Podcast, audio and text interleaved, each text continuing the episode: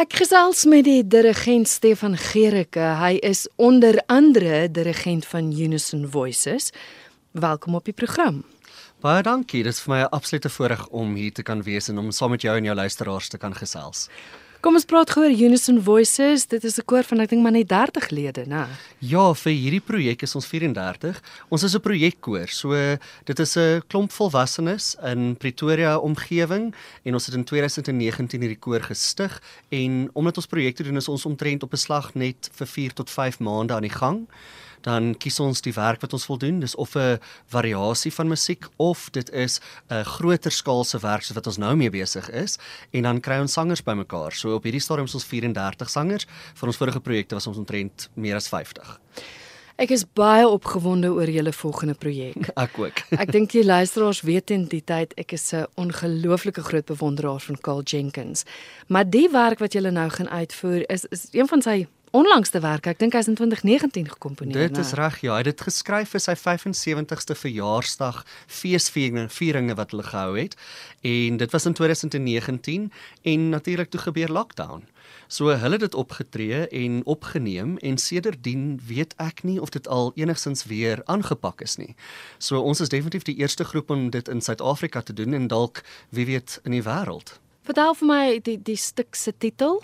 Dit is Carl Jenkins se Miserere Songs of Mercy and Redemption. En mens sou eintlik dink die miserere in Latyn staan vir misery, maar eintlik glad nie. Dit vertaal as um, om genade te betoon. Vertel my meer oor die stuk want ek dink ek het ergens iets gelees van hoekom hy dit geskryf het iets oor die Midde-Ooste. Ja, dit gaan alsoos wat die titel beskryf oor genade, want hy het aanvanklik die werk geskryf geïnspireer deur die oorlog wat in die Midde-Ooste plaasvind. En so dus in die musiek is daar 'n klomp elemente van Midde-Oosterse musiek en daar is verskillende instrumente wat gebruik word, vokale tegnieke en dit maak die werk baie interessant want dit is nie iets wat ons aangewoond is om te hoor nie. En dan terselfdertyd in plaas van die natuurlike Latynse teks wat hulle meestal in die misse gebruik, gebruik hy wel Latynse teks maar ook Aramees en Arabies en Grieks Grieks en Hebreëus en Engels. So daar's 'n klomp Bybelpsalms wat in die lirieke ingekorporeer word, maar ook ehm um, dig gedigte van digters soos Rumi en ehm um, Engelse gedigte soos Isaac Watts en uh, Saint Thomas Aquinas. Ja. So dis nogal 'n uitdaging vir die koor ook. Ja, dit is 'n uiteenlopende werk en in sommige aspekte ook bietjie eksperimenteel.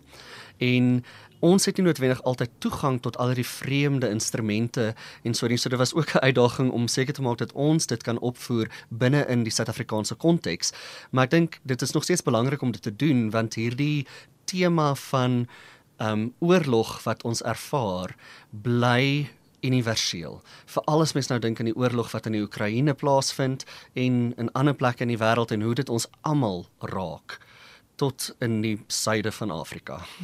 Julle is nou net 'n koor, maar die aard van die saak is daar 'n orkes ook nodig. So saam met wie werk julle? Ja, ons het 'n ad hoc orkesie bymekaar gesit. Ehm um, dit is 'n klein kamer ensemble. Uh, dit is hoofsaaklik gekomponeer vir strykers en dan 'n klomp interessante perkussie. So ons het twee perkussiespelers wat saam met ons gaan wees en 'n uh, solis wat ehm, 'n um, mezzo-sopraan is wat dan die verskillende vokale tegnieke en die die liedere gaan sing. Ek wil met jou praat oor om so 'n produksie op die planke te bring. Want ek dink dikwels die luisteraars Ekskuus as ek luisteraars se intelligensie onderskat, maar ek dink partykeer dink mense ons besluit net ons gaan 'n konsert doen. Maar die beplanning daar agter en om so iets uit te voer, net om die bladmusiek ja. te kan kry. Ja, kyk, Iets soos hierdie is al amper 'n jaar lank in beplanning, juis vir daardie rede, omdat dit so 'n nuwe komposisie is en omdat mens juis probeer om nuwe musiek na die luisteraars te bring. Um is dit 'n uitdaging om dit net in die hande te kry want dit is nie elektronies beskikbaar nie en ons moet dit bestel van oorsee af en net om die regte te kry om dit te mag opvoer is 'n paar 10000de rande. Kom ons wees eerlik, 17500 rand. Ja. ja. En dan moet ons dit nog in Suid-Afrika kry, al die skors. En dan uiteindelik as die posdiens dit aflewer, dan vind jy uit hulle het vergeet om my solo cellist se parte in te sluit en dan moet mens nou weer dit natuurlik aanspreek. So net die musiek self om die musiek in die hande te kry, bly 'n groot uitdaging. Maar on, ek ek ja. skiet ek val in die rede. So met ander woorde, dit is nie iets wat jy kan gaan aftrek en hierdie kant in Suid-Afrika kan uitdruk nie. Dit nee, dit word nee. fisies in boekformaat na jou toe gestuur. Ja. Ja, wow. so en ehm um, want van die ouer komposisies soos Mozart en Beethoven, dit kan mens deesdae al aanlyn kry, alhoewel mens nog steeds vir die regte eintlik moet betaal, maar nuwe komposisies soos hierdie, ehm um, laat hulle nog nie toe dat mens dit elektronies beskikbaar kan maak nie. So dit is harde kopieë wat ehm um, gestuur word van oorsee af. Ja. En dan jy nog net die bladmusiek. Ja. ja. So ehm um, ons projekkoor het ons dan nou bymekaar gestel en dit is my ehm um, my hoofbaba as ek so kan sê. Ek ek werk met hierdie koor. Dit ek is die dirigent van Unison Voices en dan vir 'n produksie soos hierdie dan sit ons orkes ook by. Ehm um, net om die musikante gereeld te kry en om 'n ensemble op een plek te kry bly ook maar 'n uitdaging want ek dink ek is deur omtrent deur 18 celliste voordat ek my soliste gekry het. Ek's omtrent deur 8 of 9 harpspelers gewees en almal van hulle moet natuurlik ook betaal word en dit is deel van die onkoste wat ons moet aangaan boonbehalwe die bladmusiek en natuurlik om 'n plekkie te vind om te oefen is nie meer so maklik nie. Ek wil nou net hmm. sê want Ek weet mense praat nooit oor geld nie. Ons is ja. almal grootgemaak. Ons mag nie oor geld praat nie, maar jou jou sangers en jou ek dink ek het iets soos R30000 raak gelees.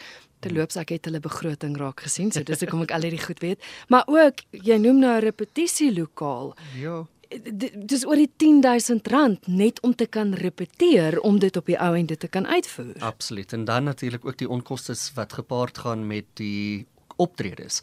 Die ehm um, die die die konsertlokaal self kos geld. As ons enigsins 'n video-opname of 'n klankopname wil maak, kos dit gewoonlik geld. As ons 'n fotootjie wil geneem hê van die koor, kos dit gewoonlik geld. Nou ons is baie gelukkig ons probeer ook nou maar vriende en familie vra om uit te help in sulke opsigte. So ons klankopname wat gemaak gaan word, word sommer deur een van die koorlede gedoen. So ons is baie dankbaar vir die dienste wat hulle so vir ons kan help, maar goeie soos die venue hier en ehm um, al daai goed en die, ons wil die musikante betaal. Mm. Dit is hulle bron van inkomste. Meeste van hulle speel vir 'n lewe en ons kan nie verwag dat hulle net dit gratis sal doen elke keer nie. En dit is hulle tyd en dit is hulle ehm um, hoe kom mens sê al die ure wat hulle ook insit om te oefen by die huis net sodat ons hierdie produksie aan mekaar kan sit. Ehm um, so dit daar's baie wat daarin gaan agter die skerms en dit alles kos geld. Die rede hoekom ek hoekom ek dit noem is regtig omdat ek luisteraars wil aanmoedig om kaartjies te koop. Ek dink en dis nie net vir julle konsert nie, ek dink vir enige konsert. Is net om bietjie daai agtergrond te skep oor hoekom jy R150 of R200 'n kaartjie moet betaal. Dis die rede. Ja, ag en ek waardeer dit. Ja, en, en ek is seker die luisteraars gaan ook die konsert baie geniet. Soos meeste luisteraars sal hopelik Carl Jenkins se musiek ken. Hy's so 'n bekende komponis. Mm -hmm. Hy het The Mass for the Armed Man geskryf en die Benedictus wat daar uitkom is alom bekend. Mm -hmm. En ek seker die luisteraars sal dalk ehm um, sy Adiemus ken. Ek dink dis amper sy bekendste werk, daai Adi Adiamus late, Adi Adiamus sta, Adi ja. Adiamus late, Adua. Gelukkig beteken die woorde niks nie, so as ek 'n woord verkeerd gesing het en opgemaak het, is dit fyn. Ag, oh, dit was maar lieflik. Ja. Hou aan, hou aan.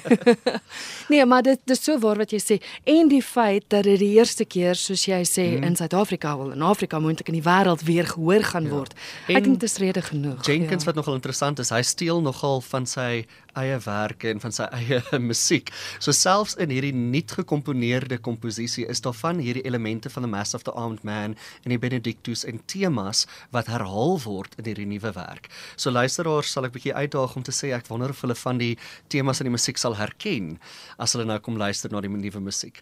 Maar wat so lekker is daarvan niks is eentonig nie. Dit is als gehoorvriendelik, maar terselfdertyd is elke liewe item anders en elkeen het 'n ander styl en 'n ander gevoel en veral met die um invloed van die verskillende Midde-Oosterse perkussie en sulke goeders maak dit 'n baie interessante werk om op te voer. Wonderlik. Goed, belangrikste, wanneer is julle te sien? Waar is julle te sien en hoe laat? Ons het nog konserte Saterdag die 2de Julie en Sondag die 3de Julie.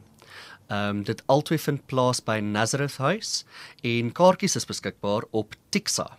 So www.tixa.co.za en daarso kan hulle net soek vir Unison Voices of Carl Jenkins of die tema van die konsert wat Carl Jenkins se komposisie is, die Miserere Songs of Mercy and Redemption. En hulle kan ook daar meer lees oor die werk en oor die konserte se inligting. En ek moet dalk net om nog 'n koffietrokkie ook wees. So daar's ietsie warm vir die maag hier in die koue wintersmiddag. so die tweede is dit 4:00 die middag en daai Sondag is dit 3:00 die middag. Dis reg. Ons wil juist dit so 'n bietjie vroeër maak as wat die aandkonsert is omdat die aande so koud raak teestel. So ons doen dit so laatmiddag terwyl die son nog skyn in die pragtige kapel by Nazareth House. Praat oor die kapel want ek weet verskriklik baie van die konserte in Pretoria word by Nazareth House. Waar is dit? Ehm um, ag deel van die rede daarvoor is dat dit een van die goedkoopste venues. okay. Maar 'n ander deel daarvan is dis een van die min venues in Pretoria wat nog sulke mooi akoestiek het wat ehm um, hulle self daartoe leen vir akoestieke sang en koorsang want dit is nie behandel vir mikrofone en goed soos dit nie. So Nazareth House is by die klooster in Francis Ribeiro straat. So dit was altyd koningin Wilhelmina straat gewees. Daar in Waterkloof langs Groenkloof area, ja? net bietjie op teen die berg. So as mens verder aanhou gaan jy jouself vasry in die Unie geboue. maar ja, dit is die kapel wat hulle daar het langs die Vryel Care Center. En ons gaan later jaar ook daarso 'n fondsinsameling hou juis om bietjie geld in te bring vir die Vryel Care Center vir al die mense wat daarso um, hulp nodig het. Ja. Stefan wonderlik. Dankie dat jy vir Carl Jenkins Suid-Afrika te bring. Nee, ons sien verskriklik uit en ons hoop die luisteraars kan almal kom kaartjies koop en kom saam geniet aan hierdie interessante ervaring wat ons nou aandurf.